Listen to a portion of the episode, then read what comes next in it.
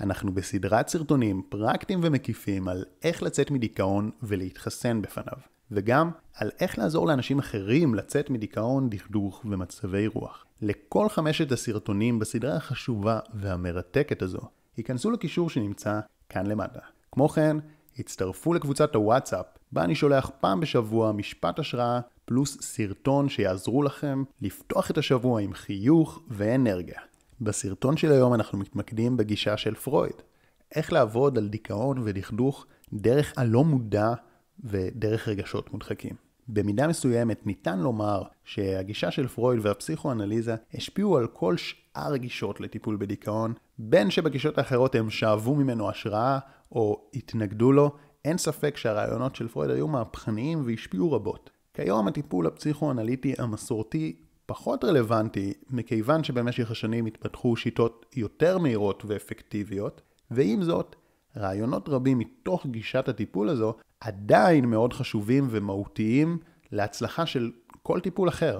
עכשיו אנחנו נסביר את הרעיונות החשובים הללו, וגם נסביר למה הטיפול המסורתי מאוד חכם בתיאוריה, אך לוקה בחסר בפרקטיקה, ומהם הפתרונות שהשיטות החדשניות יותר מציעות. הרעיון המהפכני ביותר שפרויד הנחיל בתרבות שלנו, הוא רעיון שיש לנו חלק לא מודע. שיש זיכרונות, רגשות וקונפליקטים שהחלק המודע שלנו אינו מסוגל להכיל ולכן הוא מדחיק אותם.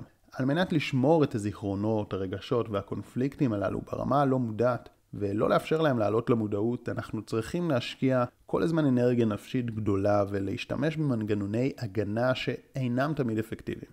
כך למשל, אם ילד חווה אירועים טראומטיים כגון התעללות או הזנחה, באותו שלב בחייו אין לו את היכולת להכיל את הכאב והפחד שמתעוררים, ולכן הוא ידחיק את הזיכרון והרגש ואף יחווה ניתוק רגשי. הדבר הזה ייצור בהווה ובעתיד בעיות רבות שעלולות להוביל בסופו של דבר לדיכאון.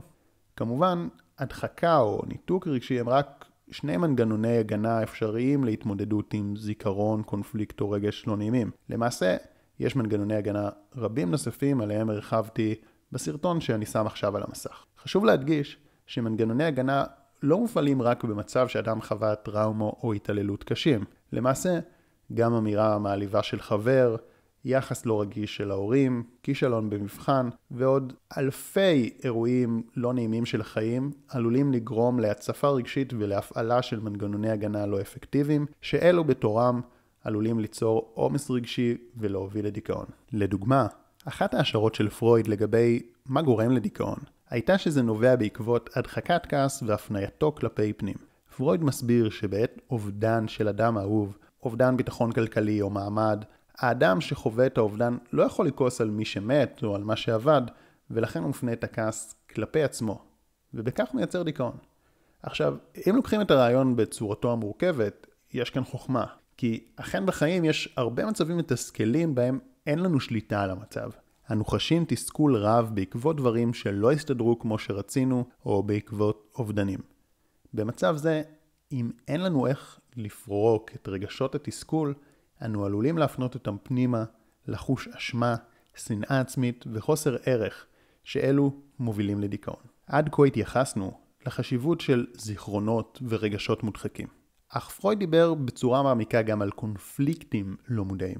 הקונפליקט המרכזי ביותר עליו פרויד דיבר הוא הקונפליקט בין האיד, או במילים אחרות היצרים שלנו, כמו יצרי המין ויצרי התוקפנות, לבין הסופר אגו, שהוא ביטוי לערכים ולחוקים שהפנמנו מהחברה. פרויד הסביר שקיים בנפש האדם מתח פנימי מתמיד בין שני החלקים הללו באישיות. האיד רוצה לתת לדחפים להתבטא בחופשיות ללא מגבלות של החברה ושל ההורים, והסופר אגו דורש ממנו להישאר מתון. קונפליקטים מסוג זה עלולים להוביל למצב של דיכאון, אך על מנת להסביר למה, אני רוצה להרחיב רגע על תיאוריה מאסקולת ה-NLP שנקראת מלכוד. מלכוד הוא מצב בו אדם שרוי בבחירה בלתי אפשרית בין שתי אופציות גרועות, שלא משנה באיזה אפשרות תבחר, התוצאה תהיה שלילית. לדוגמה, להישאר בעבודה הנוכחית זה נורא משעמם, אך לעזוב אותה מפחיד ומערער את כל מה שאני מכיר. להעיר לאדם שהוא מפריע לי, יגרום לי לתחושה לא נעימה. אבל אם לא אעיר לו, הוא ימשיך להפריע לי ויהיה לי לא נעים. לא משנה במה אני אבחר, שתי האפשרויות גרועות. עכשיו, מלכוד הרבה פעמים נוצר בעקבות מסרים סותרים מהסביבה. לדוגמה, הורים דורשים מבנם הצעיר לצאת ולהצליח, ושלא יהיה חסר אחריות ויסתמך עליהם. ומצד שני דורשים שיישאר קרוב אליהם וידאג להם, ולא יהיה חסר אחריות. או לחלופין, המורים אומרים לילד שעליו להתנהג יפה, אחרת הם ינזפו בו. ומשאר הילדים הוא מקבל את המסר שאם הוא יהיה תלמיד טוב שמקשיב למורים, אז הוא ייחשב כחנון. בשתי הדוגמאות, בן אדם מקבל שני מסרים שסותרים זה את זה. עכשיו, אפשר לתת עוד עשרות דוגמאות עם ניואנסים, ומדובר בתיאוריה עשירה וחכמה מאוד. אך הנקודה המרכזית שחשוב להבין היא שבמצב מלכוד בו אדם מתמודד מול שתי בחירות ששתיהן לא טובות, ושבכל כיוון שהוא הולך אליו הוא חוטף בוקס לפנים, בסופו של דבר האדם יקפא במקום ויפסיק לנסות.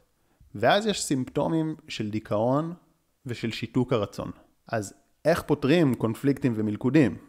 יש הרבה סוגים של טיפולים. הראשון הוא בכלל קוגניטיבי, שמדבר על לשנות את החשיבה שלנו ולשנות את התפיסה שמדובר בשתי אופציות ששתיהן שליליות. במקום זאת, להבין שתמיד יש עוד אפשרויות בחירה, ושלא משנה מה הסיטואציה, אנחנו אף פעם לא באמת במצב של לבחור בין רע לרע.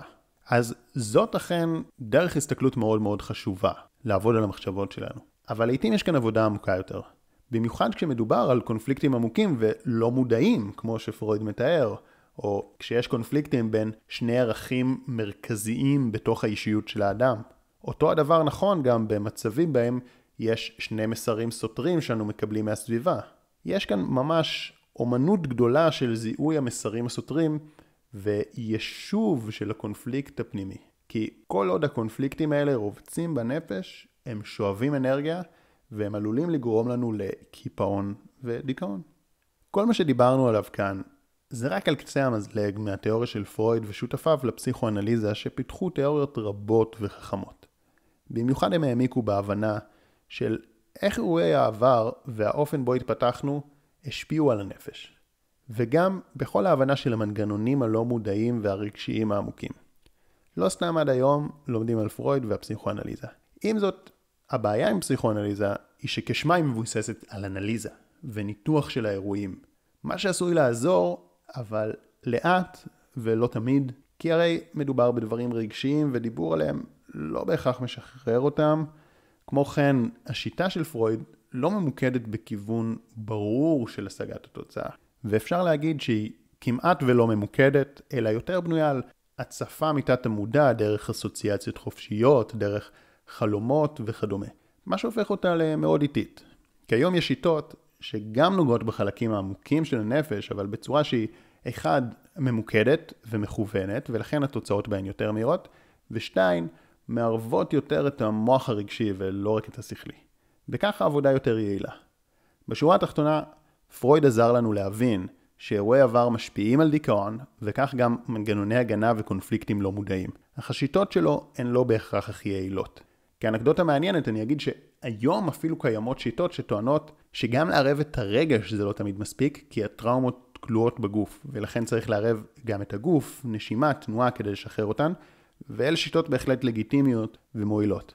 אבל לא משנה באיזה שיטה נבחר, כולן בסופו של דבר מתבססות או נתמכות ברעיונות שדיברנו עליהן בסרטון הזה, ולכן זה סרטון מאוד מאוד חשוב שאני ממליץ לכם להתעמק בו.